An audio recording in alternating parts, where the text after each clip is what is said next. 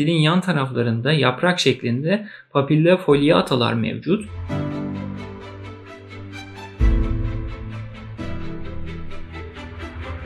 Kana karıştı. Farmako şu anda neredeyim? Kinetikteyim. Transfüzyon. NG'yi taktın, kan gördün, endoskopik tedaviye geçiyorsun.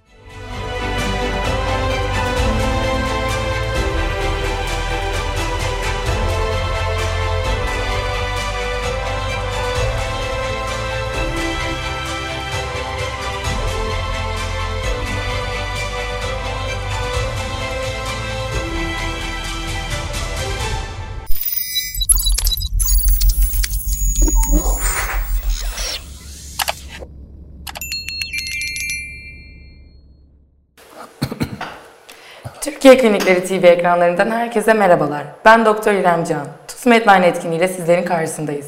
Bugün Yurt Dışında Tıp Kariyeri serisinin ikincisinde konuğum uzman doktor Tufan Arslanca ile beraber İngiltere'yi konuşacağız. Hocam hoş geldiniz. Hoş bulduk. Merhabalar İrem Hanım. Sizi yeniden burada ağırlıyoruz. Geçen programımız çok ilgi görmüştü. Bugün de İngiltere'den konuşacağız. Bizi izleyen meslektaşlarımız da hocama sorularını YouTube'dan ve Türkiye Klinikleri TV sitesinde iletebilirler. Hocam başlayalım isterseniz Tabii konuya. ki de. Ee, İngiltere'nin Türkiye'den eğitim sistemi olarak farklılıkları nelerdir? Şimdi İngiltere'ye baktığımızda e, yine slaytlarımızla olabildiğince zenginleştirmeye çalıştık bugünkü sunumumuzu. İngiltere'ye temelde baktığımızda 4 tane Birleşik Krallık, 4 ülkeden oluşmakta. İskoçya, İngiltere, Galler yani Wales ve aynı zamanda Kuzey İrlanda. E, göreceğiniz gibi Güney İrlanda Birleşik Krallığa bağlı değil. Güney İrlanda hala Avrupa Birliği ülkesi.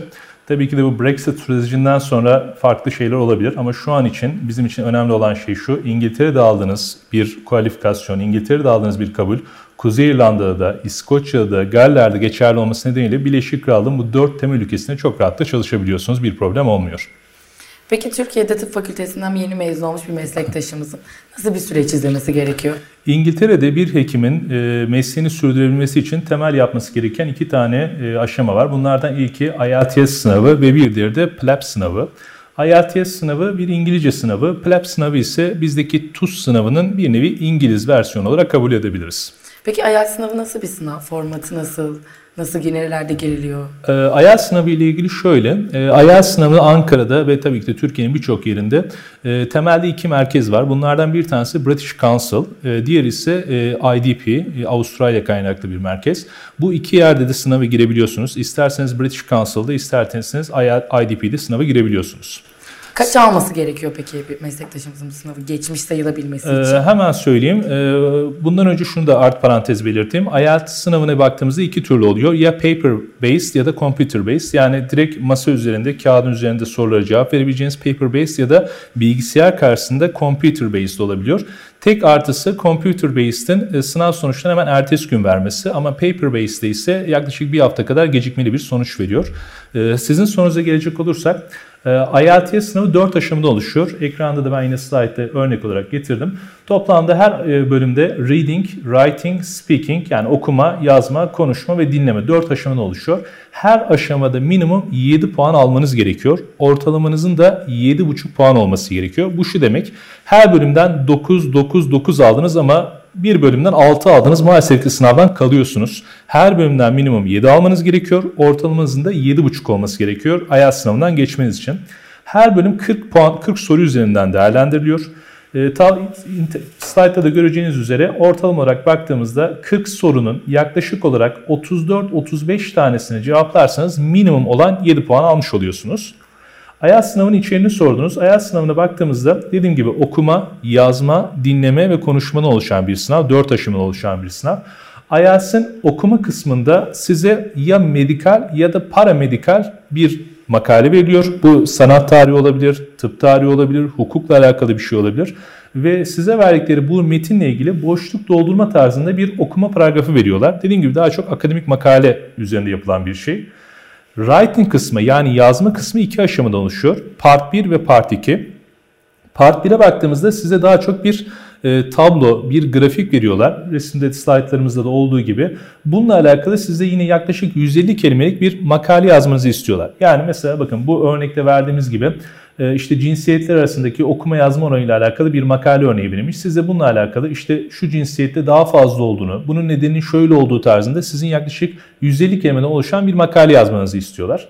Bu part 1 kısmı. Yine ben başka bir örnek daha getirdim. Mesela burada bir public library'de kadın ve erkek arasındaki yıllar arasındaki dağılımları görüyoruz. Yine mesela sizin burada işte 2011-2013 yılları arasında e, kadınlarda okuma oranı daha yüksek olduğunu ama 2013'ten sonra belirgin bir azalmanın olduğu gibi bunu akademik ve makale dilinde yazmanızı istiyorlar. Part 1'de, Writing'in Part 1'inde. Part 2'ye baktığımızda ise yine Writing'in ikinci partında ise size bir konu veriyorlar ve bu konu üzerinde yaklaşık 250 kelimelik yine bir akademik yani makale dilinde bir yazı yazmanızı istiyorlar. Bu örneğimizde de olduğu gibi mesela e, kızların ve erkeklerin okullarda ayrı ayrı mı eğitim alması yoksa beraber mi eğitim alması ile ilgili siz ne düşünüyorsunuz diye bir soru sorulmuş slaytımızda görüldüğü üzere. E, ve sizin bu dediğim gibi metinle alakalı yaklaşık 250 kelimelik bir e, akademik makale dilinde bir yazı yazmanızı istiyorlar. Writing'in ikinci partında. Bir diğer kısmımız IELTS'te listening kısmı yani dinleme kısmı. Burada da size e, yine 40 sorudan oluşan bir paragraf veriliyor ve bu paragraf boşluk doldurma üzerine kurulu. Siz e, dinlediğiniz, duyduğunuz kelimeleri boşluklara uygun gelecek şekilde yazıyorsunuz. Az daha önceki slaytlarımızda gösterdiğim gibi 40 tane sorudan minimum 34-35'ini yapmanız gerekiyor ki en az olan 7 puan alalım diye. Ve IELTS'in son kısmı speaking kısmı yani konuşma kısmı. Konuşma kısmında 3 aşamadan oluşuyor. Birinci aşamada size genel sorular soruyorlar. E, nereden geldiniz? Ne iş yapıyorsunuz? Nerede yaşıyorsunuz? Yaşam koşullarınız iyi mi? Ya da yaşadığınız yerde mutlu musunuz diye tamamıyla paramedikal genel sorular soruyorlar. E, speaking'in ikinci kısmında ise size bir kart çektiriyorlar ve bu kart üzerinde hangi metin varsa onunla ilgili 2 dakika boyunca kesintisiz bir şekilde konuşmanızı istiyorlar. Örneğimizde de olduğu gibi mesela describe a piece of art you like. Mesela burada sizin beğendiğiniz bir sanat dalı ile ilgili bir şey anlatmanızı istemişler. Burada mesela örnek olarak işte ben heykeltıraş sanat dalını seviyorum. E, heykeltıraş sanat dalında şunlara ilgi duyuyorum. E, ilgimi çeken konular bunlar ya da ilgili artistler bunlar gibisinden yaklaşık 2 dakika boyunca konuşmanızı istiyorlar. Speaking'in 3. partında ise seçtiğiniz kartla ilgili artık size mentor soru sormaya başlıyor. Siz diyelim ki bu örnekte de olduğu gibi ben heykeltıraş dalında ilgili bir kart çektim. Bununla ilgili cevabımı verdim 2 dakika boyunca. Mentor bana arkasından heykeltıraş dalı ile ilgili detaylı sorular sormaya başlıyor. Bununla ilgili cevabınızı bekliyor. Toplam dediğim gibi IELTS 4 aşamadan oluşan okuma, yazma, dinleme ve konuşma oluşan bir sınav. Zor bir sınava benziyor. Zor bir sınav. Anlattığınız kadarıyla. Başka bir yol var mı peki İngilizce yeterliliği için? Evet, IELTS'in yerine artık 2018 yılından itibaren daha önce de yapılan bir sınavdı bu. OET, Occupational English Test dediğimiz bir sınav artık aktif hale geldi. İngiltere'de özellikle 7-7,5 bandı IELTS'te OET'de slide'da da göreceğimiz üzere B'ye denk gelmekte. Yani biz OET'de B alırsak bu bizim için geçerli ve yeterli demektir. Ee, daha önce GMC, General Medical Council, İngiltere'nin bir nevi yökü kabul edebiliriz. Ee, eskiden sadece kendi web sitesinde e, İngiltere doktorluk yapmak isteyen hekimler için IELTS'in yeterli olacağını söylerken artık 2018 yılından itibaren artık OET'nin de yeterli olduğunu kendi resmi internet sitesinde de açıkladı. Bu sınav IELTS'e göre görece daha mı kolay? Bu sınavın en büyük artısı e, bizim hekim meslektaşlarımız için OET tamamıyla medikal sorular içermekte. OET de 4 aşamadan oluşuyor. Okuma, yazma, dinleme ve konuşma da oluşmaktadır. Yine bunlarla ilgili ben yine slaytlar getirmek istedim. Özellikle bakın OET'in mesela reading kısmında, okuma kısmında IELTS'te her türlü paramedikal şey gelebiliyordu size. Hukuk da gelebiliyordu, sanat tarihi de gelebiliyordu. Ama OET'de sadece ve sadece medikal bir makale veriliyor size. Bu medikal makale ile ilgili boşlukları doldurmanızı istiyorlar OET'nin reading'i yani okuma kısmında. OET'nin bir diğer kısmı writing kısmı. IELTS'ın writing kısmında hatırlarsanız iki tane şey vardı. Part 1'de size bir grafik veriliyordu. Part 2'de ise genel olarak 250 kelimeden oluşan bir makale yazmanızı istiyorlardı. OET'nin writing kısmının en önemli özelliği siz bir aile hekimisiniz yani GP'siniz İngiltere'de ve bir hastayı hastaneye refer etmenizi ya da tam tersi siz hastanede çalışan bir uzman hekimsiniz. Hastayı muayene ettiniz artık bu hastayı GP'ye tekrardan refer etmenizi isteyen bir e, mektup yazmanızı istiyorlar. Ben OET'yi çok daha yapılabilir buluyorum. Çünkü siz meslek hayatınızda da İngiltere'ye gittiğinizde hiçbir şekilde bir hasta İngiltere'ye direkt olarak hastaneye başvuramaz. Önce mutlaka aile hekimine, GP'ye gitmek zorundadır. GP gerekli tedavileri yaptıktan sonra eğer üstesinden gelemezse o kişiyi hastaneye refer eder. İşte burada aynı İngiltere'de yaptığınız gibi mutlaka bir mektup yazmanız gerekmektedir. OET sınavının writing kısmı yani yazma kısmı size aslında meslek hayatınızda karşılaşacağınız bu writing'i birebir karşınıza çıkartıyor. OET'nin bir diğer kısmı speaking kısmı yani konuşma kısmı. IELTS'te dediğim gibi herhangi bir konuyla ilgili size bir kart çektiriliyordu ve soru soruluyordu. OET'nin speaking kısmında ise direkt olarak Skype'tan İngiltere'deki bir merkeze bağlanıyorsunuz. Hasta ya da hasta rolü yapan, daha önceki yayınımızda hatırlarsınız Almanya'da da bir vardı. Onunla direkt olarak hastalığı üzerine çeşitli sorular soruyorsunuz. Burada yine sizin İngiltere'de sık karşılaşacağınız bir durum. Çünkü bir kliniğe başladığınız zaman hastayla nasıl iletişime geçeceğinizi aslında OET size bir nevi yavaştan yavaştan hazırlamaya başlıyor. Bakın burada da slaytta görüldüğü üzere OET sınavında olan bir meslektaşımız Uh, hasta ve hastalıkla alakalı sorular soruyor. Karşıda da Skype üzerinden puanlama yapılıyor ve buna göre OET'nin speaking kısmı bu şekilde bitiyor. OET'ye İstanbul'da, Ankara'da, Türkiye'de girebiliyor muyuz? OET'ye şu an sadece İstanbul'da girebiliyorsunuz. Ankara bu konuda bir başvuruda bulundu ama henüz daha bir sonuç çıkmadı. IELTS sınavına Ankara, İstanbul, İzmir, Adana gibi Türkiye'nin birçok merkezinde girebiliyorsunuz. Ee, yine ekim arkadaşlarımızın çok sorduğu sorulardan bir tanesi IELTS mi OET mi? Ben OET medikal anlamda bize daha yakın olduğu için paramedikal bir şeyle karşılaşmayacağımız için OET daha iyi yapılabilir buluyorum. En önemli farkı bu. Bir diğer önemli özellik ise e, OET'nin en büyük handikapı e, maalesef ki ücret olarak e, yaklaşık IELTS'in 3 katı. Biraz daha fiyatlar? 500 e, Kanada doları, pardon 500 e, Avustralya doları. O yüzden biraz daha IELTS'in 3 katı kadar olması nedeniyle biraz daha pahalı maalesef IELTS ki OET. IELTS 1200-1300 TL civarında. Abi tabii ki de yeni tekrardan zam gelip bu artış olabilmiş olabilir. Teşekkür ederim. Sizler de hocama sorularınızı YouTube üzerinden ve Türkiye Klinikleri TV üzerinden iletebilirsiniz. Hocam IELTS dedik, OET dedik, İngilizce yeterliliğini verdik. Daha sonrasında bir PLAB sınavından bahsettiniz. Aynen öyle. Bu nasıl bir sınav? E, PLEB sınavına girmeden önce sadece şununla ilgili çok kısa bilgi vereyim. Bu yine GMC'nin kendi web sitesinde yayınladığı bir tablo. E, gitgide Türk doktor oranı İngiltere'de artıyor. 2018 yılında bu oran 300'ler civarındaydı. Şimdi 400'lere kadar çıktı. Son yıllarda özellikle İngiltere'ye ve Almanya'ya belirgin bir şekilde e, Türk doktorlarının talebi arttı ve gitgide bu oran dediğim gibi artıyor. PLEB sınavına e, baktığımızda bir Türkiye'den mezun bir hekimin PLEB sınavına girip girmemesine en önemli şey GMC'de mutlaka mutlaka okul kaydının olup olmadığına bakması gerekiyor. General Medical Council'ın kendi web sitesine girip kendi okulu eğer varsa PLEB sınavına girmek için bu bir yeterli kriter. Eğer yoksa mutlaka mutlaka kendi okulunu GMC'nin web sitesine tanıtması gerekiyor. Kendi okulunun olup olmadığını çok rahatlıkla World Director of Medical Schools'a girip burada okulun ismini yazarak GMC tarafından tanınıp tanınmadığını rahatlıkla öğrenebilir. Peki tanınmıyorsa nasıl bir yol izleniyor? Tanınmıyorsa nasıl bir yol izlenecek? Benim kendi tıp fakültem de maalesef ki GMC tarafından tanınmıyordu. Ekranda da görüldüğü üzere ben GMC'ye defalarca kez mail attım ve bu maillerde e, okulumda işlenen dersler bu, transkriptler bu, e, yapılan ders müfredatı, kurikulumlar bu e, tarzında detaylı bir doküman yolladım. E, buna binaen de GMC kendi web e, fakültenizi tanıyor ama dediğim gibi sizden bazı detaylı evraklar istiyor. Bu evrakların dekan tarafından mutlaka onaylı ve kaşeli olması gerekiyor. Bu da süreci biraz uzatıyordur tahmin Süreci ediyorum. uzatıyor evet ama emin olun e, gün geçtikçe Türkiye'de tanıtan tıp fakültesi sayısı GMC tarafından gün geçtikçe artıyor. Peki GMC'de okulum tanınıyor. Ee, PLAB sınavına başvuruyorum. PLAB sınavına nerelerde, ne zaman girebiliyorum? E, PLEB sınavına maalesef ki Türkiye'de giremiyorsunuz. E, PLEB sınavına bize en yakın ülke olan Birleşik Arap Emirlikleri'nde Dubai'de girebilirsiniz. Ekranda da PLEB sınavına girebileceğiniz yerleri getirdim. Avustralya, Bangladeş, Kanada, Mısır, Gana, Pakistan. Bize dediğim gibi en yakın ülke Dubai'de girme imkanınız var. E, PLEB sınavı sadece e, Covid salgınından dolayı maalesef ki yer konusunda biraz sıkıntı çekiyor şu an hekim arkadaşlarımız. E, ama PLEB sınavına baktığımızda genelde yılda iki defa olmakta. E, March ve November'da oluyor ama aynı zamanda ekstra tarih olarak özellikle bu yılda açmayı planlıyorlar. June ve September'da toplam yılda 4 defa belki 5'e de çıkabilecektir. E, olabildiğince yer açmak için GMC fazla miktarda baskı yapıyor. PLAB sınavının ücreti ne kadar peki? E, PLEB 1 ve PLEB 2. PLEB sınavı iki aşamadan oluşmakta. PLEB 1'in ücreti 230 pound. PLEB 2'nin ücreti ise 840 pound İngiliz sterlini. Peki PLAB 1 ve PLAB 2'nin içerikleri nasıl yani birbirlerinden farklı? Ee, PLEB 1 sınavı 180 sorudan oluşan multiple choice question yani A, B, C, D, E şıklarından oluşan sorular. Burada mesela PLEB 1'den bir örnek soru getirdim. Yaklaşık 180 sorudan oluşuyor. PLEB 1'in en önemli avantajı PLEB 1 size tamamıyla hastaya yaklaşım, birinci aşamada ne yapmanız gerekiyor, acile böyle böyle bir hasta geldi, ilk ne yaparsınız tarzında size direkt olarak hasta yönelik sorular soruyor. En önemli avantajı o.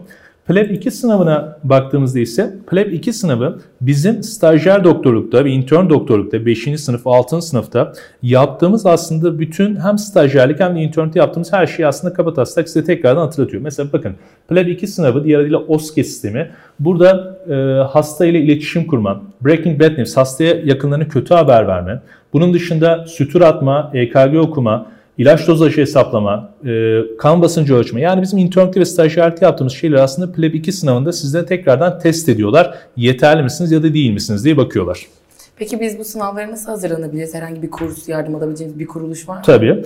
Bununla alakalı bundan önce çok kısa bir bilgi vereyim. PLEB 2 sınavı sadece e, PLEB 1 sınavı gördüğünüz gibi birçok dünya ülkesinde yapılırken PLEB 2 sınavı yani OSCE dediğimiz yer maalesef ki şu an İngiltere sadece Manchester'da yapılıyor. Bu sınavla ilgili de ben size örnek bir video getirdim. Hekim arkadaşlarımızın daha rahat anlaşması için. PLEB sınavı dediğim gibi Manchester'da yapılan bir sınav. Ekranda da gördüğünüz gibi. Öncelikle sınav merkezine geliyorsunuz. Sınav merkezinizde kaydınızı yapıyorsunuz. Size bir ID veriliyor, bir kimlik veriliyor. Port form internship. You will be asked to switch off your mobile phone and any Eşyalarınızı dolabınıza koyduktan sonra sınav gözetimi ile ilgili size bilgiler veriliyor.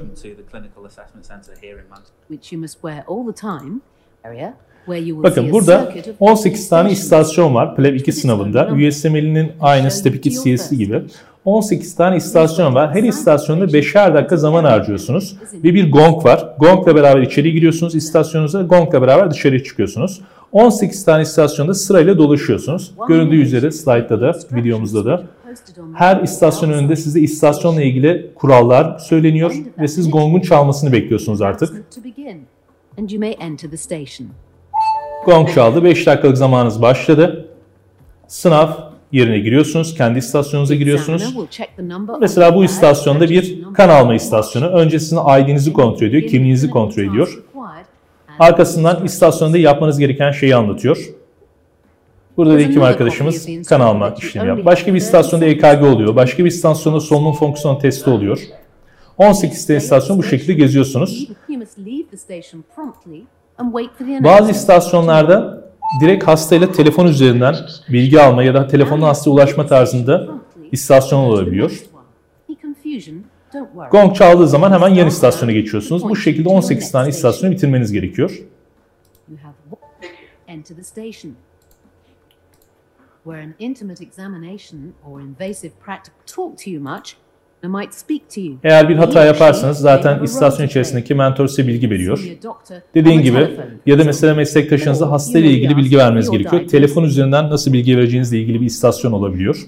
An examiner will also interrupt if you're about to Eğer siz istasyonda yapılmaması gereken bir şey yaparsanız o zaman mentor, içeride oturan mentor size ikaz ediyor.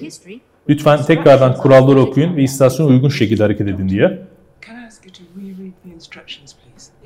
Hasta rolü yapan çünkü içeride bir istasyon da olabiliyor. Hastayla da görüşebiliyorsunuz. Dediğim gibi PLEB 2 sınavı tamamıyla aslında bizim 5. sınıf ve 6. sınıfta yaptığımız, e, bu zamana kadar yaptığımız aslında her şeyin bir toplamı oluyor. Sizin sorduğunuz soruya gelince PLEB sınavı ile alakalı PLEB 1 sınavının e, online ve aynı zamanda direkt İngiltere'de kendi kursları var. Bu kursları isterseniz direkt giderek de başvurabilirsiniz ya da online de yapabilirsiniz. Ama PLEB 2 ile alakalı İngiltere'de özellikle Manchester'da daha belirgin olmak üzere kurslar var. Bu kurslarda size 18 tane istasyonda nelerle karşılaşabileceğinize, karşılaştığınız zaman nasıl tepki vereceğinizle ilgili kurslar var. Ben özellikle PLEB 2 kurslarını İngiltere'de bizzat gidilmesini tavsiye ediyorum. Çünkü e, online belki bu kurslar çok faydalı olmayacaktır, yeterli olmayacaktır. Yine bununla alakalı ben Manchester'daki kursla alakalı size örnek bir video getirdim. Mesela bu PLEB 2 kursunun bir örnek videosu. Bakın burada mesela Breaking Bad News kötü haber verme, hasta yakında kötü haber nasıl verilir? İngiltere'de önemli şey empati çok önemlidir. Siz bir hasta yakında kötü haber verirken mutlaka empati yaparak vermeniz yoksa yoksa aksi halde PLEB 2'de puanınız kesilir. Peki bakın burada kurs direktörüne kötü haber verme ile ilgili all- örnek veriyor. Nasıl yapması gerektiği ile ilgili. Ya da acile bir hasta geldi diyelim ki. Acile gelen hastaya nasıl yaklaşılmasıyla alakalı başka bir videoda gördüğümüz üzere. Eğer siz burada mesela bir hata yaparsanız hemen mentor araya giriyor. Aslında bunu yapsanız hastaya şöyle yaklaşsanız daha iyi olur. Bunu dediğim gibi online yapmak yerine face to face yapmak çok daha iyi olacaktır PLEP 2 kursunu. Mentor burada araya giriyor. Bunları yapsanız daha iyi olur. Bunu yapmasanız daha iyi olur. Empati İngiltere'de dediğim gibi çok önemli bir kavram. PLEP ile alakalı bu tarz kurslar var İngiltere'de. Ne kadar bir sürede mesela PLEP 2'ye hazırlanan bir kursun süresi ne kadar ya da PLEP 1, PLEP 1 yaklaşık 20 gün kadar sürüyor teorik olarak. PLEP 2 kursu ise yaklaşık 10 gün kadar sürmekte. Dediğim gibi 18 tane istasyon benzeri istasyonlar yapmışlar onlarda. İstasyonlarda ne ile karşılaşacağınızı ya da karşılaştığınız istasyonda ne yapmanız gerektiği ile alakalı mentorlar size bilgi veriyorlar. Konuyla ilgili bizi izleyen bir meslektaşımızdan çok güzel bir soru gelmiş hocam. PLEP'e girme hakkımız sınırlı mı? PLEB'e girme hakkınız sınırlı değil ama PLEB ile alakalı hep şu soruluyor. İşte 5. sınıfta PLEB'e girilebilir miyim? Hayır. Mutlaka mutlaka tıp fakültesi mezuniyet diplomanızın olması lazım PLEB'e girmeniz için. E mesela PLEP 1'e girdim başarısız oldum. Kaç kere daha girdim? Şöyle PLEB 1'e girdikten sonra 2 yıl içerisinde PLEB 2'ye girmeniz gerekiyor.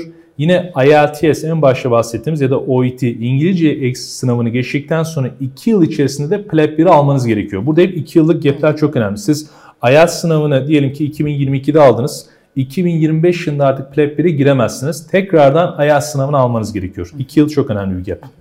Peki sonuç olarak şimdi toparlarsak tıp fakültesinden yeni mezun bir meslektaşımız nasıl bir yol izliyor? Ee, slide'da da görüldüğü üzere aslında e, temelde şey yapacağımız şey şu. IELTS ya da yeni artık sınavımız OET'yi geçmemiz gerekiyor. Arkasından PLEP 1 egzamini daha sonra da PLEP 2 egzamini geçtikten sonra artık GMC tamamıyla bizim tıp fakültemiz denkliğimizi kabul etmiş oluyor ve İngiltere'de artık çalışma hakkını elde etmiş oluyoruz. Daha sonrasında iş arama süreci başlıyor. Aynen. Daha sonrasında artık iş arama süreci başlıyor. Sadece bir ek bilgi vermek istiyorum. Ee, 11 e, Cun 2018'den itibaren artık biz bu aşamaları geçtikten sonra tıp fakültemizi, e, diplomamızı artık direkt internet sitesinden e, yükleyip e, bunun direkt denkliğiyle alakalı daha kolay bir yol geldi. ECFMC aynı Amerika'daki gibi. Daha kolaylık olan bir yol geldi ama dediğim gibi hep mantık aynı. IELTS ya da OET'yi geçeceğiz, PLEP 1'i geçeceğiz, PLEP 2'yi geçeceğiz ve böylece denkliğimizi alacağız artık. Sonrasında iş, iş bulma serüveni nasıl yapıyoruz? Ee, bu aşamaları geçtikten sonra yani artık tıp fakültemizi denk kabul ettikten sonra Almanya'da olduğu gibi İngiltere'de iş arama tamamen internet üzerinde oluyor. Bununla alakalı jobs.nhs.uk NHS National Health Service İngiltere'nin Sağlık Bakanlığı, sağlık sistemi. E, bu siteye girdiğiniz zaman İngiltere'de hangi bölümde çalışmak istiyorsanız e, seçiyorsunuz. Hangi yerde çalışmak istiyorsanız seçiyorsunuz ve buna bağlı olarak da size iş ilanları görüyor. Mesela ben burada örnek olarak bir tanesini seçmişim. Ee, mesela Betsy klinikte emergency medicine acil hekimi, acil serviste asistan doktor olarak seçmiştim. Ee, yaklaşık olarak burada size klinikle alakalı bilgiler veriyor. Kliniğin yatak sayısı budur. Klinikte yapılan ameliyatlar ya da klinikte bakılan hasta çeşitliği şu gibisindendir. Ve en olarak da en altta da size salary yani yıllık kazancınızı söylüyorlar. İngiltere'de maaşlar hep yıllıktır. Ee, Mesela bu örnekte olacağı gibi yıllık size 30 bin tire 40 bin pound arasında bir ücret vereceğiz diyorlar.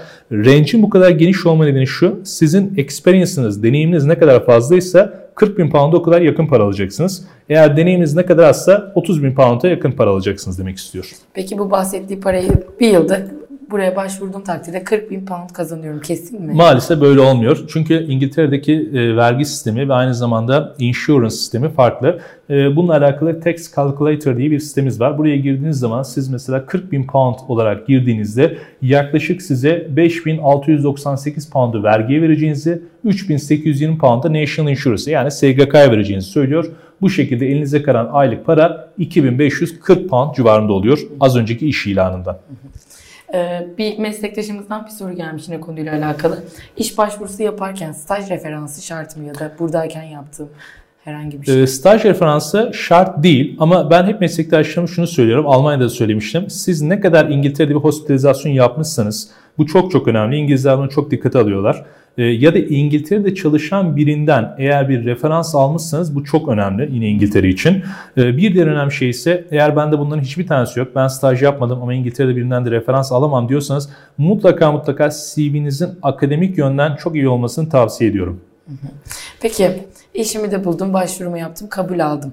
Bundan sonrasında süreç nasıl ilerliyor? Ben istediğim herhangi bir bölümde asistanlık eğitimine başlayabiliyor muyum? Maalesef e, slaytta da göreceğimiz üzere İngiltere'de asistanlık sistemi çok farklı. Türkiye'den ve Almanya'dan farklı olan bir sistem. Ee, Burada baktığımızda slaytta göreceğiniz üzere çok karışık bir sistem. Ben bunu daha kolay hale getirdim meslektaşlarımızın anlaması için. Şimdi İngiltere'de baktığımızda temelde 3 tane yol var. Normalde İngiliz bir e, meslektaşımız okulu bitirdiği zaman, medical school'u bitirdiğinde Foundation Year 1, Foundation Year 2. E, İngilizler F1 ve F2 diyorlar.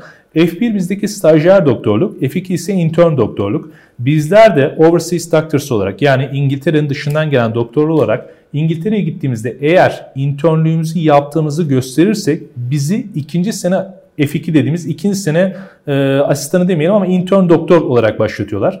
Siz F2 olarak başladığınızda F2'ye ne kadar devam edeceğinizi şefiniz karar veriyor.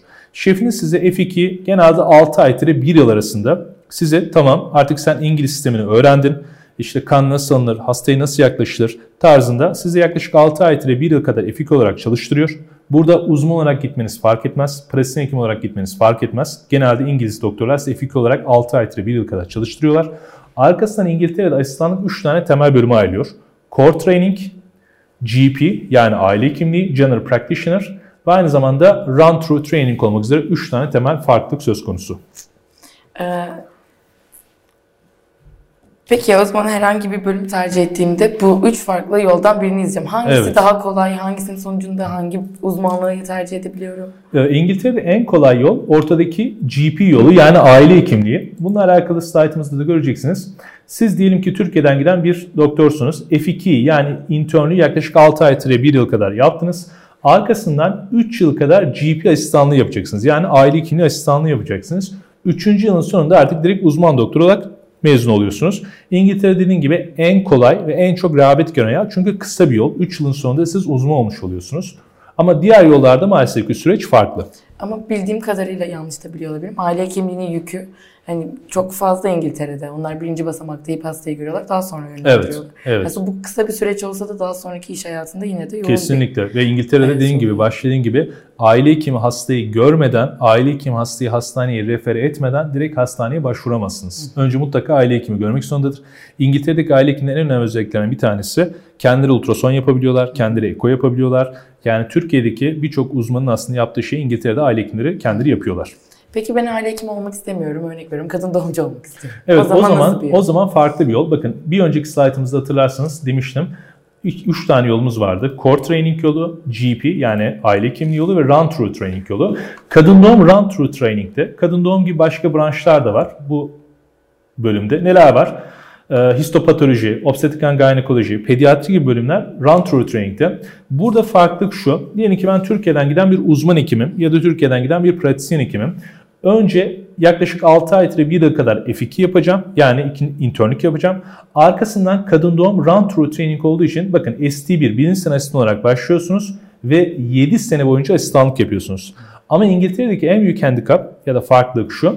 İkinci sene asistanı olarak üçüncü seneye gitmeden önce her bölümün kendine ait Royal College egzamları var. Mesela kadın doğumun Member of Royal College Obstetric and Gynecology MRCOG denen bir sınavı var.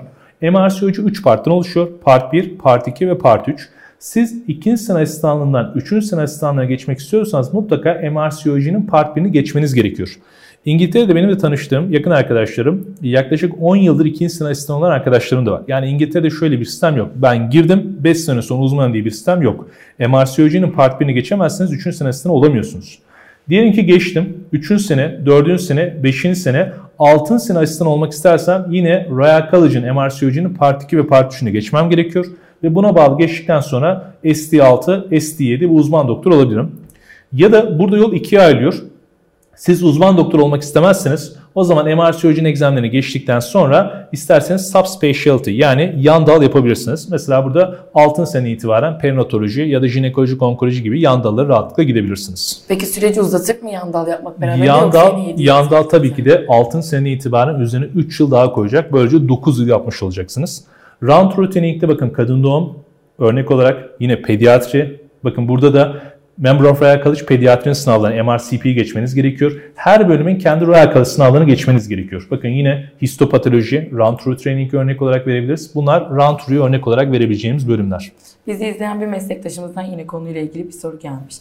Ee, mesela ben beyin cerrahi as- asistanı olmak istiyorum. Nasıl olurum? Bu şeylerden hangisini Evet, tam aslında yerine denk geldik. Üçüncü aşamamızda core training'ti. GP, run through training ve core training. Bakın core training'de neler var? Surgery, internal medicine, dermatoloji, anestezyoloji, psikiyatri, emergency medicine. Bakın mesela ben diyelim ki genel cerrahide asistanı ya da beyin cerrahi asistanı olmak istiyorum.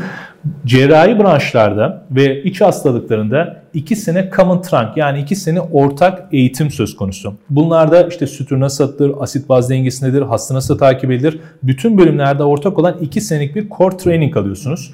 İkinci senenin sonunda MRCS'e giriyorsunuz. Yani Member of Royal College Surgeon sınavına giriyorsunuz. Bunu geçtikten sonra artık siz beyin cerrahi olmak istiyorsanız beyin cerrahisinin asistanlığına, genel cerrahi olmak istiyorsanız genel cerrahi asistanlığına devam ediyorsunuz. Dediğim gibi bu sistem core training sistemi, run through training'den ve GP'likten farklı bir sistem. Sadece burada değil bakın örnek olarak verdim yine slaytlarımda. İç hastalıklarında da böyle. İki sene common trunk yapıyorsunuz arkasından devam ediyorsunuz. Ya da mesela acil hekimliğinde yine bu şekilde 2 sene yine ortak bir bölüm söz konusu. 2. seneden sonra isterseniz intensive care unit'e yoğun bakıma da geçebiliyorsunuz. İsterseniz acil hekimliğine devam edebiliyorsunuz.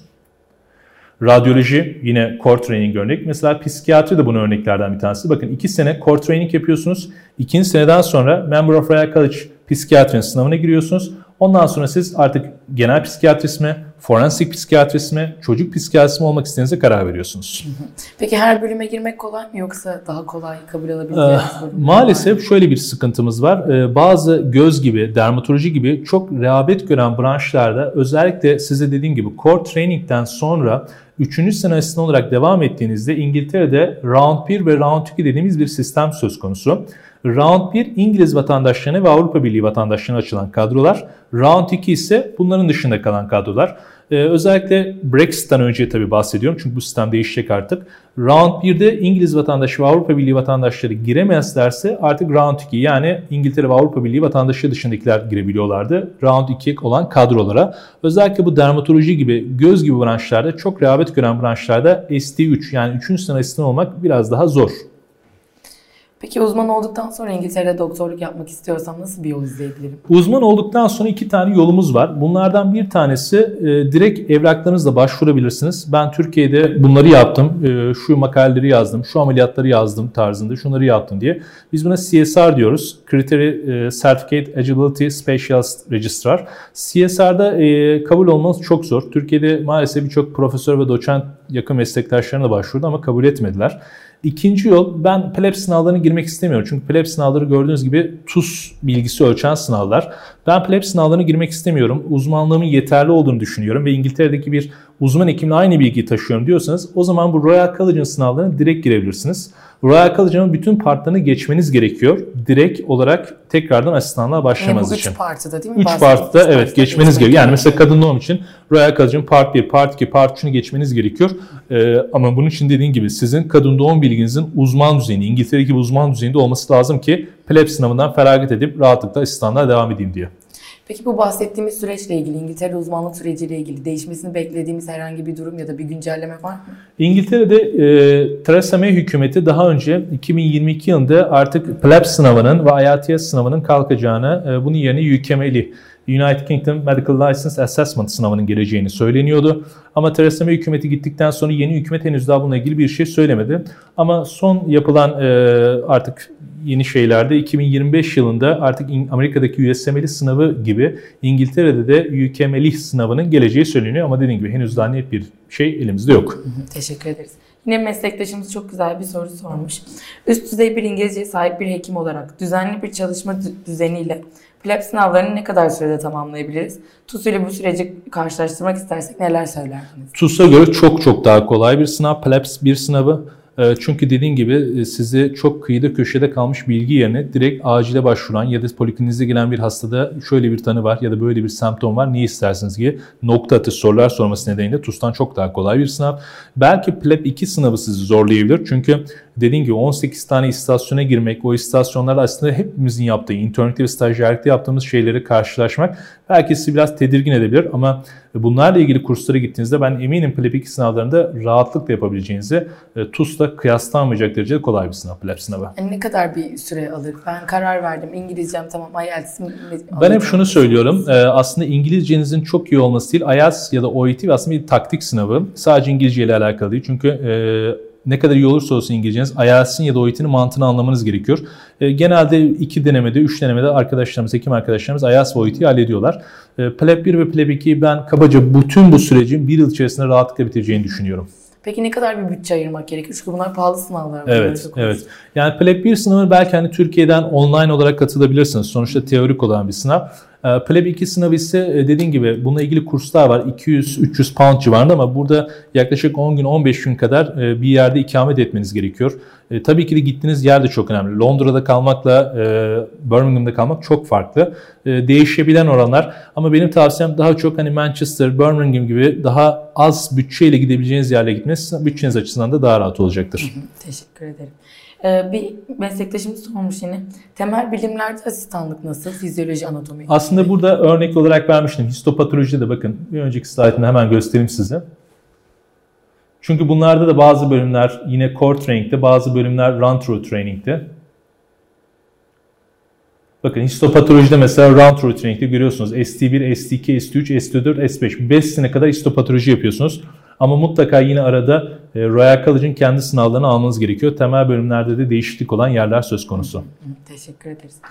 Ee, bir soru daha. Hocam Avrupa'da başka yerlerde yaptığımız stajların Almanya, Belçika gibi İngiltere'deki iş bulma sürecimize katkısı olur mu? Katkısı olacaktır ama tekrar söylüyorum İngiliz, İngilizlerin en önemli verdiği 3 şey vardır. Bir, İngiltere'de çalıştınız mı? İki, İngiltere'den bir yerden ya da İngiliz bir doktor ya da herhangi bir İngiltere çalışan bir doktor referans kağıdınız var mı? İngilizlerin en önemli şey yaptığı, e, önemsediği durum referanstır. Ya da üçüncü ihtimal e, dediğim gibi CV'niz akademik anlamda yazı ya da makale anlamında kuvvetli mi? Bu üçü önemli prensip. Ee, Amerika'da doktorluk yapmak ile İngiltere'de doktorluk yapmak açısından hangisini tercih etmek daha avantajlı? Ee, Amerika'da çok fazla deneyimim yok ama yakın giden meslek arkadaşlarımdan sadece duyduklarımı anlatıyorum. Amerika'da matching sistemi yani USMLE steplerine geçtikten sonra eşleşme sistemi biraz daha zor olduğunu söylüyorlar. Ama benim dediğim gibi bununla ilgili bir deneyimim söz konusu değil. İngiltere bu konuda daha rahat bir ülke olduğunu düşünüyorum. Peki Amerika'dan ya da Almanya'dan aldığımız uzmanlık İngiltere'de geçerli mi? Maalesef şöyle. ülkede? Bununla alakalı e, hemen onu da slaytını da göstereyim size. Türkiye'den aldığımız uzmanlık maalesef geçerli değil ama İngiltere'nin kabul ettiği, kendi GMC'nin web sitesinde de bulabilirsiniz. Bazı kabul ettiği direkt uzmanlıklar var. Mesela Amerika'da kabul ettiği yerler ya da Avustralya'da kabul ettiği yerler var. Ama burada da dediğin gibi e, ya da işte Sri Lanka'da, Tanzanya'da kabul ettiği yerler var. Eğer bunlardan uzmanlığınız alınmışsa evet bunları kabul ediyor. GMC'nin web sitesine rahatlıkla bunları bulabilirsiniz ama Türkiye kesinlikle bunların içinde değil. En son iş bulduk. Bu süreçten konuştuk. Peki vize işlemleri, oturma izni bu süreçler çok zorlayıcı mı İngiltere'de? İngiltere'de zaten siz iş anlaşması imzaladığınız andan itibaren size Tier 2 vizesi veriyorlar ve Tier 2 vizesinden sonra oturum izni vesaire falan bunlar çok kolay. Herhangi bir problem yok. Ee, yine eşinizi getirmek isterseniz bunda da bir sıkıntı yaratmıyor İngilizler. Ee, bu konular emin olun çok rahat İngiltere'de. Peki Ankara Anlaşması'nda yurt dışında doktorluk yapmakla herhangi bir ilgisi var mı? Bu da sizin Ankara Antlaşması çok farklı bir şey. Ankara Antlaşması e, yani zaten biten bir antlaşmaydı. Ankara Antlaşması dediğim gibi doktorluktan bağımsız tamamıyla iş kurma üzerine olan bir antlaşmaydı. Konumuza hiç, Hiç- bağlısı yok. bağlantısı yok. Ee, Sizler de hocama sorularınızı YouTube'dan ve Türkiye Klinikleri TV üzerinden iletebilirsiniz. Ayrıca bu yayının kaydı da YouTube kanalımızda ve Türkiye Türkiye Klinikleri TV kanalımızda da bulunacak. Ee, Çok fazla soran olmuş kaçıranlar için yayın kaydedilecek mi diye. Peki maaşlardan bahsedelim hocam biraz da. Bölümden bölüme değişiyor mu bu? Foundation year'da ne kadar? Daha sonrasında ne Evet. kadar? İngiltere aslında bakarsanız tabii ki de Almanya gibi e, experience'ınız, deneyiminiz arttıkça maaşınız artıyor. E, 2500'den başlayıp 3000, 3500 pound'a kadar çıkıyor. E, tabii ki dediğim gibi deneyiminiz arttıkça bu artıyor. Specialist doktor, uzman doktor olduğunuzda yaklaşık 5000 pound civarında alıyorsunuz. Tabii ki de deneyiminize bağlı olarak değişmekle beraber. E, consultant doktor olduğunuzda ise ortalama 6000 lira 7000 pound kadar aylık bir kazancınız oluyor. Yine yaşadığımız şehre göre büyük ihtimalle Tabii ki de. Yani değişiyor. şöyle örnek vereyim. E, mesela Londra'da e, diyelim ki Kızılay'ı, Ankara'da Kızılay'ı e, merkez kabul ettiğimizde Bahçeli Evler gibi yerde Londra'da oturduğunuzda tek bir odanın kirası 1000 pound, 1200 pound olacaktır. Ama siz Londra değil de Birmingham Birmingham'da oturursanız belki 1200 pound'a 2 oda 3 oda bir salon ev rahatlıkla tutabilirsiniz. Yaşadığınız yer çok önemli İngiltere'de. Ee, peki bu documentation o yurt dışında bildiğimiz gibi birazcık zor oluyor ve bizim de zorlandığımız konulardan bir tanesi Almanya'da da konuşmuştuk Evet. bunu. İngiltere için de aynısı geçerli mi? Yani asistanlıkta bizi zorlayacak şeyler nelerdir orada? Evet aslında Almanya ile benzer bir durum. Ee, İngiltere'de belki günde 7 hasta belki 8 hasta bakıyorsunuz ya da acilde çok az hasta geliyor ama e, paperwork iş şeyi çok fazla, kağıt işi çok fazla. Çünkü siz her hastayı daha sonrasında slaytlarımızda da göstermiştik mutlaka hastanın GP'sine yani aile hekimini yazı yazmanız gerekiyor. Ee, en önemli paperwork bu. Bir diğeri polikliniklerde hasta baktıktan sonra Almanya'da da bunu konuşmuştuk. Hastalar bittikten sonra mutlaka recorder'la yaptığınız işleri söylüyorsunuz ve bu recorder'ı daha sonra bir tıbbi sekreter veriyorsunuz. O hızlıca dokümente ediyor, yazıya geçiriyor. Siz ertesi gün kontrol ediyorsunuz. Çünkü e, kontrol ettiğiniz evrağı e, GP'ye yani aile hekimine göndereceğiniz için İngiltere'de de Almanya'da da paperwork yani kağıt işi biraz maalesef ki zaman alan işler. Teşekkür ederiz. Bizi izleyen bir meslektaşımızdan yine çok güzel bir soru gelmiş. PLAB 1 ve 2 sınavlarına birkaç kez girilebilir mi? İlk aldığımız puanı yükseltebilir miyiz? Ya da puanın yüksekliğini Puanı yüksekliğinin burada bir önemi yok. PLAB 1 sınavı çan eğrisi olan bir sistem. Burada çan eğrisi olduğu için mesela bir PLAB 1 sınavında 140 geçer not oluyor. Bir sonraki PLAB 1 sınavında belki de 160 geçer not olacak. Çünkü çan eğrisi oluşan bir sistem. Sizin PLAB 1 sınavı kaç puanla geçtiğinizin bir önemi yok. Sadece PLAB 1 sınavını geçmeniz önemli olan. Ee, Genelde meslektaşlarımız bunu sorma nedeni şu. Amerika'da çünkü USMLE'de ne kadar yüksek not alırsanız işe giriş imkanınız o kadar fazla Amerika'da. Ama Almanya'da da İngiltere'de de çok yüksek not almanız işe girmeniz için bir artı değil. e, Peki ne bizi öne geçirir rakiplerimizden? Biz bir işe başvuruyoruz. Aha. E, Ne yapmış olmamız, ne yapabiliriz şu anda buna karar verdikten sonra kendimize ne katabiliriz? Eğer Türkiye'de ben akademik olarak yazı yazabilirim, makale yazabilirim ya da akademik camiada biraz daha söz sahibi olabiliyorsanız bu çok büyük artı. Ama yok hayır ben bunları fazla yapamayacak ya zamanım yok diyorsanız o zaman İngiltere'de staj ya da İngiltere'de hospitalizasyon ya da İngiltere'de bir observerlık yapmanız İngiliz bir doktordan alacağınız referans sizi rakiplerinizden çok ama çok daha öne geçirecektir. Peki İngiltere'de yan dal uzmanlığı aldıktan sonra Türkiye'ye döndüğümüzde yan dalımız direkt sayılıyor mu? Şöyle İngiltere'de aldığınız gerek uzmanlık gerek yan dal uzmanlığı direkt sayılıyor. Ama buradan aldığınız uzmanlık da veya da yan dal uzmanlığı mutlaka DHİ'ye tabisiniz. Yani devlet hizmet yükümlülüğüne tabi olacaksınız. Ee, başka bir soruda tüm sınavları geçip GP olduktan sonra botoks, dolgu gibi medikal estetik uygulamalarını özel olarak yapmamız mümkün mü? Tabii ki de mümkün. Hatta bunları direkt GP olarak yapmanıza bile gerek yok. Bunları eğer siz ben e, direkt orada gideceğim, sertifika alacağım derseniz e, yine bu tarz estetik hekimliği ile ilgili sertifikalar var. Hiç GP olmanıza bile gerek yok. Bu sınavları geçmenize bile gerek yok. Bunların sertifikalarını alıp rahatlıkla bu işi yapabilirsiniz İngiltere'de. Yani başka hiçbir şey tabii Evet dermatolog bunları da yapabilirsiniz. Hayır yani ama tabii ki de kendi mesleğiniz üzerine bunları yaparsanız sizin için artıdır. Teşekkür ederiz. Ee, uzman olarak git, uzman olarak gittiğimizde internlüğü tanıtmak gerekiyor mu? diye Evet soralım. mutlaka gerekiyor. Yani şöyle söyleyeyim internlüğü zaten size yaptıracaklar. F2'yi yaptıracaklar. Tek farkınız şu olacak. Belki bir pratisyen hekim 1 yıl internlük yapacak. Siz belki 6 ay internlük yapacaksınız. Çünkü oradaki şef evet bu kişiye F2 için yani internlük için yeterli diyecek. Bu kişi İngiliz sistemini öğrendi diyecek ve benim şahsi tavsiyem de mutlaka internlük yapın. Çünkü İngiltere'deki sağlık sistemine çok yabancıyız. Nasıl kan istenir, nasıl hastayla konuşulur, neler yapılır. Benim tavsiyem de en az bir 6 aylık internlük yapılması yönünde. Uzman hekim olarak da gitseniz F2 yapacaksınız. Her türlü yapmak Yapacaksınız zorundayız evet. F2. Evet.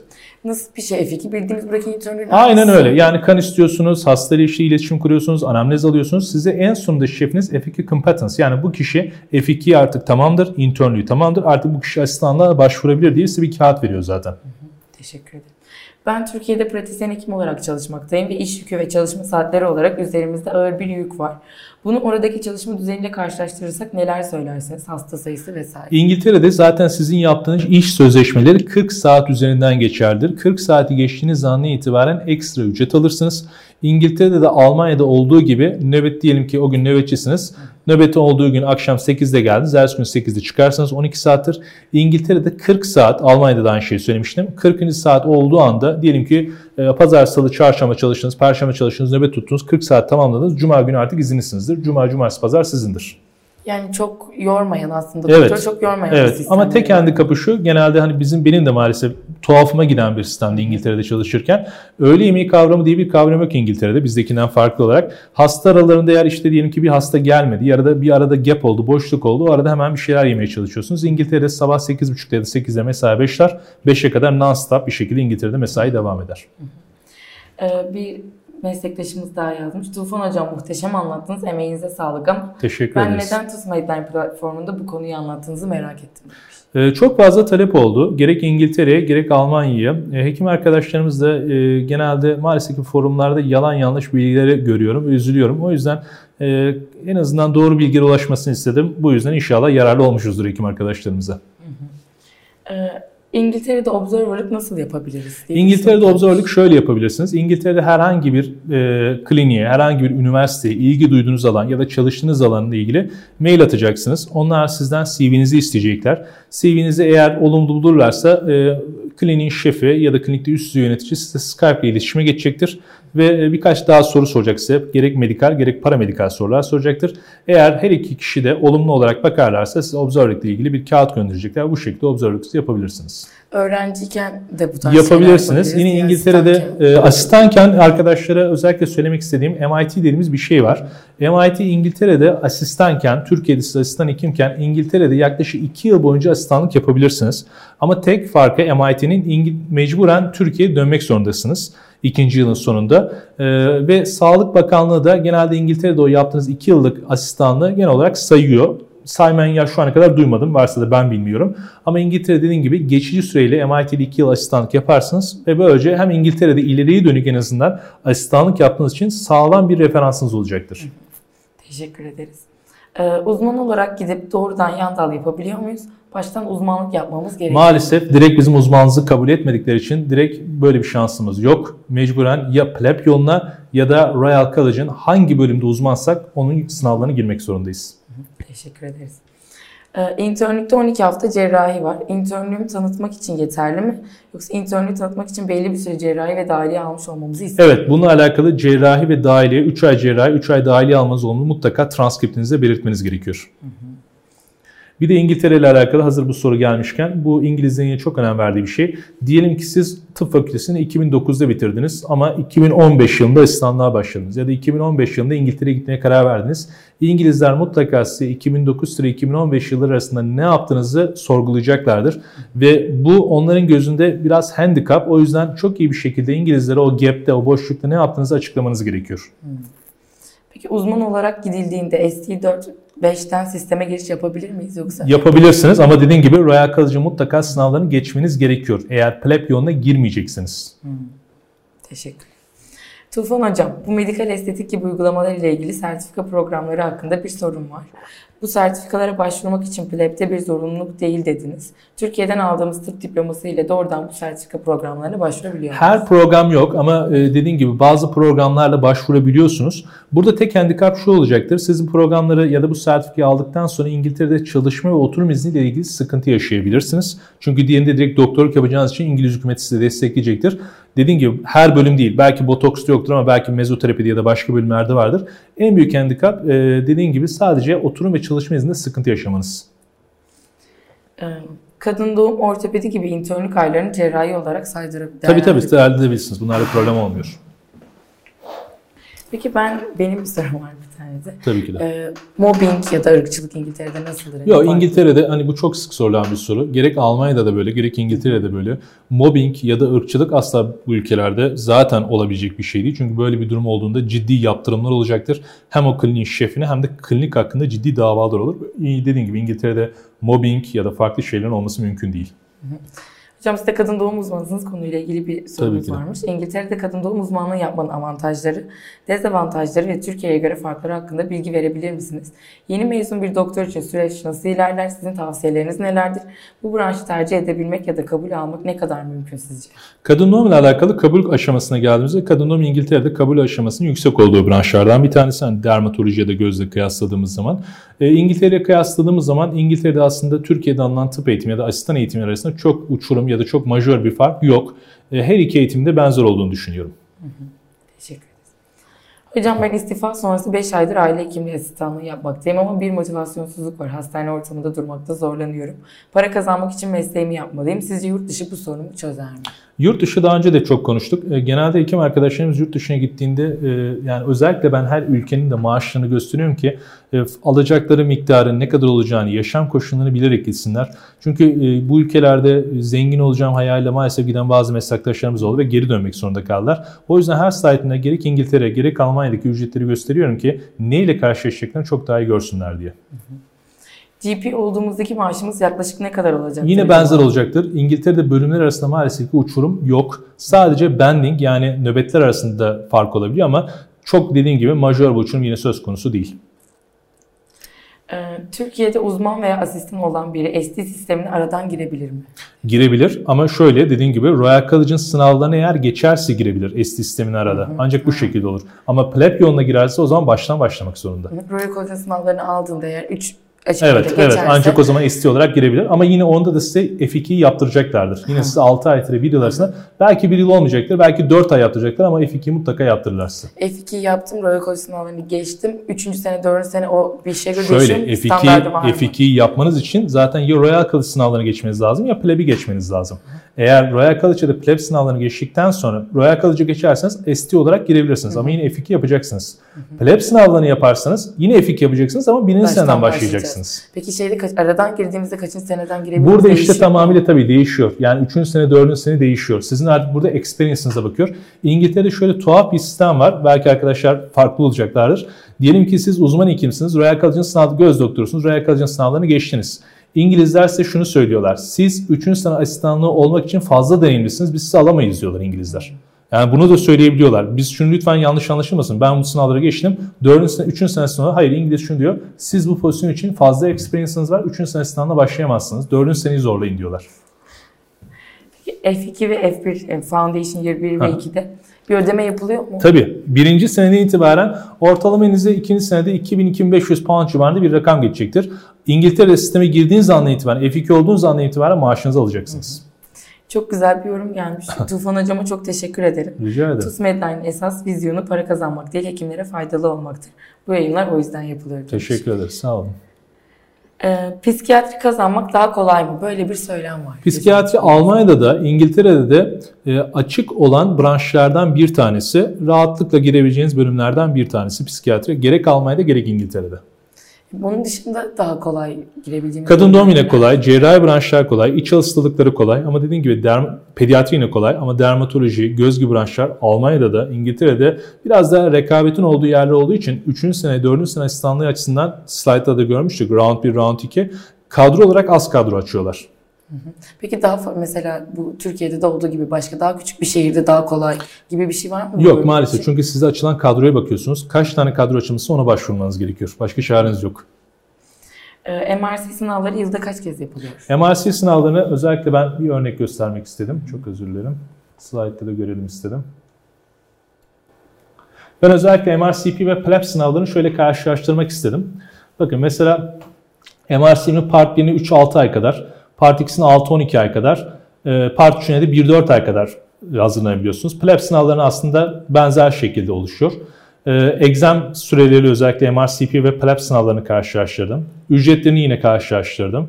Ee, MRCP sınavlarını ben e, dediğim gibi eğer siz mevcut branşınızda yeterli olduğunuzu düşünüyorsanız evet PLAB ile zaman kaybetmeyin MRCP sınavına girmenizi tavsiye ederim. Ama mevcut branşınızda ben Part 1'i, Part 2'yi, OSCE dediğimiz Part 3'ü ya da PACS dediğimiz Part 3'ü geçebileceğimi düşünmüyorsanız tavsiyem PLAB sınavlarına girmeniz yönünde.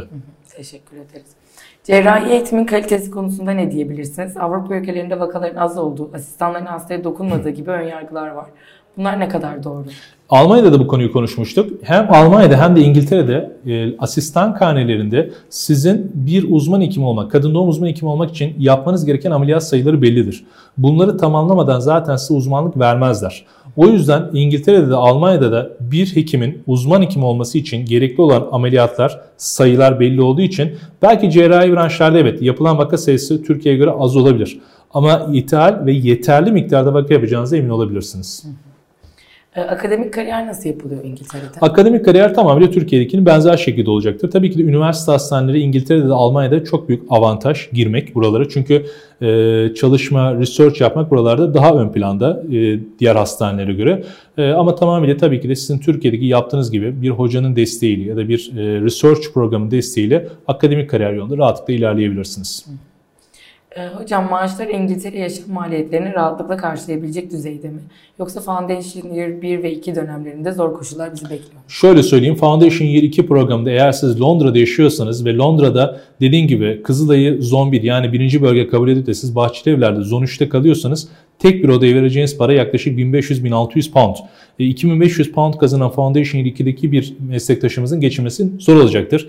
Ben de İngiltere'de kalırken, Londra'da kalırken tek oda maalesef yani bir odayı pay- paylaşmak zorunda kaldım. Ama Londra değil de siz Birmingham'da, daha kuzeyde, belki Galler'de, Edinburgh'da yaşayacaksınız. Belki bu parayla dediğim gibi 1 artı 1 ya da 2 artı 1 tutabilirsiniz. Ama burada önemli olan şey Londra gibi daha metropol şehirlerde yaşamak aldığınız maaşla zor olacaktır yaşam kalitesi açısından. Peki şeylerde bir farklılık var mı? Londra'da iş bulmak daha kolaydır, Birmingham'da daha zordur. Şöyle bir fark var. Ee, İngiltere'de bile lokum job dediğimiz bir durum var. Lokum job siz diyelim ki ikinci sene asistanısınız ve asistanlık artık diyorsunuz ki ben ikinci sene asistan olarak kalacağım ve nerede bir açık varsa ben orada çalışacağım. A özel hastanesinde olmadı bir ay sonra B özel hastanesinde. Lokum joblar tabii ki de Londra'da çok daha fazla. Ufak şeylerde lokum job imkanları biraz daha azalıyor. Ee, Bir diğer önemli şey e, Londra tabii ki de İstanbul gibi, Ankara gibi daha çekişmenin ön planda olduğu bir şehir. E, Bu şehirlerde ekstra işler yaparak tabii ki de para kazanma şansınız oluyordur. Ee, Birleşik Krallık'ta sağlık sisteminde İngilizlerin ve İngiliz doktorların mesleğe ve sağlık sistemine bakış açısı nasıl?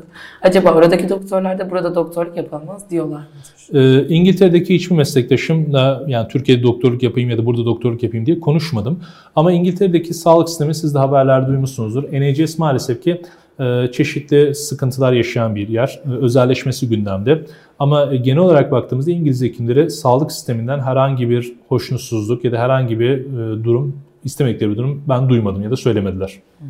Size çok güzel bir yorum gelmiş yine hocam. Çok teşekkürler Tufan hocam. Gerçekten bir aydır araştırıyorum. Aklıma yatmayan çok şey vardı. Şu an tamamen anladım. Çok anlaşılır. Çok sevindim. Demiş program için. Ee, cerrahi branşların çalışma koşullarını saat, nöbet, yoğunluk vesaire Türkiye koşulları ile karşılaştırabilir misiniz? Tabii ki de cerrahi branşların çalışma koşulları Türkiye'ye göre çok daha e, hafif kalacaktır. Çünkü dediğim gibi 40 saat çalışacaksınız. Cerrahi branşta olsanız 40. saatten sonra ya ekstra ücretini alırsınız ya da izni ayrılacaksınız. Çalışma koşulu olarak Türkiye'ye göre çok çok daha rahat. Almanya'da da aynı şeyi söylemiştik. Benzer şeyi söylemiştik. Yine çok benzer bir soru. Türkiye'deki gibi cerrahi branşlarda öğrenim veya çalışma süresince gün aşırı nöbetler ve birkaç gün hiç güneş görmemek gibi ağır mesailer olur mu? Yoksa genel olarak 40 Yok, saat hayır. dediğiniz gibi 40 saat Böyle bir güzel. şey böyle bir şey söz konusu değil. İngiltere'de, Almanya'da böyle bir şey gün aşırı nöbet tarzı bir şey söz konusu değil. Yine bir meslektaşımız sunum için teşekkür etmiş. Rica ederiz. Sizler de hocama sorularınızı yine YouTube üzerinden ve Türkiye Klinikleri TV üzerinden iletebilirsiniz. Ayrıca bu yayınımız da kaydedilecek YouTube'da yine. Ee, bir soruda uzmanlık için kontenjanlara hangi siteden ulaşabiliriz? GMC'nin web sitesine girdiğinizde e, örnek olarak da yine ben göstereyim arkadaşlara slide üzerinden. GMC'nin web sitesine girdiğinizde bakın burada roundları gösteriyor size. Mesela dermatolojinin round 1, round 2'de kontenjanları vesaire bunları görüyor. Bunların hepsini GMC'nin kendi web sitesinde bulabilirsiniz. Yine en başta söylediğim gibi üniversitenizin GMC tarafından tanınıp tanınmadığını yine GMC'nin web sitesinden rahatlıkla bulabilirsiniz. Siteden yani Aynen öyle. Ee, yine şunu da söyleyeyim. GMC'de eğer kafanıza takılan bir şey olursa e, çok rahatlıkla mail atabiliyorsunuz ve 5 iş günü içerisinde size mutlaka dönüyorlar. Defalarca kez denediğim için bunu rahatlıkla söyleyebiliyorum. Peki oraya gittik, uzmanlığımızı yaptık ya da yandal yaptık, her şeyi tamamladık. Geri Türkiye'ye dönmek istediğimizde Dönebilirsiniz Türkiye'ye. E, döndüğünüzde size e, DHY yani devlet hizmet yükümlüne tabi tutacaktır. DHY'nizi bitirdikten sonra Türkiye'de zaten çalışabiliyorsunuz. Aynı oradaki. Aynı Türkiye'deki mezun olmuşsunuz gibi. Ee, peki İngiltere'de senedeki izin sayımız nasıl oluyor? E, ortalama 20-23 gün iş günü arasında değişmekte E, ama birçok merkezde 20-21 iş günü civarında olmak üzere. Ama dediğim gibi burada 40 saati geçerseniz eğer siz cuma günü de izinli olabilirsiniz. Burada çalıştığınız süre çok önemli. 20 iş günü, 23 iş gününün dışında konuşuyorum. Ha, çalıştığım süreye göre değişiyor Tabii ki de, tabii ki de. iznimde. Ee, son sorularımızı cevaplıyoruz Tabii hocam. ki Son iki soru buyurun. sizin de eklemek istediğiniz herhangi bir şey varsa. Buyurun sorularla beraber. Hocam MIT'de asistanlık yapabileceğimizi söylediniz. En Evet. fazla 2 yıl kalabileceğimizi söylediniz. Bununla ilgili PLEB gibi bir sınav var mı ya da başvuru süreci nasıl işliyor? PLEB gibi bir sınavı var ama ben tavsiyem şudur. Öncelikle MIT için mutlaka kendinize uygun bir üniversite bulun. Çünkü her üniversite MIT'yi kabul etmiyor. Eğer bununla ilgili bir üniversite bulursanız ve karşılıklı yazışmayla 2 yıllık asistanınızı yapabilirsiniz. Önemli olan bir diğer durumda e, mutlaka Sağlık Bakanlığı'na sorun. Çünkü bazı yerler dediğim gibi henüz duymadım ama İngiltere'de yaptığınız asistanlığı Türkiye'de sayıldığını biliyorum. Eğer sayılmıyorsa bir sürprizle karşılaşmanızı istemem. Hocam sunum için çok teşekkürler. Malpraktis durumları yüzünden hekimler riskli ameliyatlara girmiyor diye bir şey var mı? Tıp alanında hukuk ne durumda? Hemen söyleyeyim. Tıp alanında hukuk, e, malpraktis davaları Türkiye'den çok daha farklı. İngiltere'de ben bunu çok bizzat kendim de gördüm. E, devlet sizi sonuna kadar destekliyor. E, sağlık sisteminde ya da yapacağınız komplikasyonlar tabii ki de çok majör bir komplikasyon yapmadığınız sürece Türkiye'den farklı olarak e, malpraktis davalarının biraz daha az olduğunu söyleyebilirim. Burada devletin desteği de çok önemli. Hocam çok teşekkür ederiz. Sorular gelmeye devam ediyor ama maalesef vaktimiz buraya kadardı bugün. Daha sonra sizinle hem kalan soruları cevaplayacağım Tabii ki de. hem de Almanya İngiltere'yi karşılaştıracağımız Karşılıklı, kesinlikle. çok güzel bir program daha yaparız diye düşünüyorum. TUSMET'ten etkinliklerini siz de internet sitemizden takip edebilirsiniz. Hocama çok teşekkür ediyoruz değerli bilgileri için. Bugünkü programımızın sonuna geldik. İyi günler.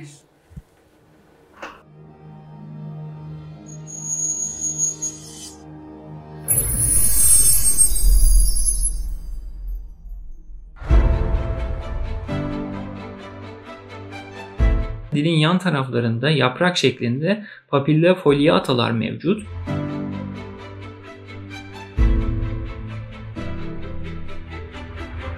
Kana karıştı. Farmako şu anda neredeyim? Kinetikteyim. Ve transfüzyon. NG'yi taktın, kan gördün, endoskopik tedaviye geçiyorsun.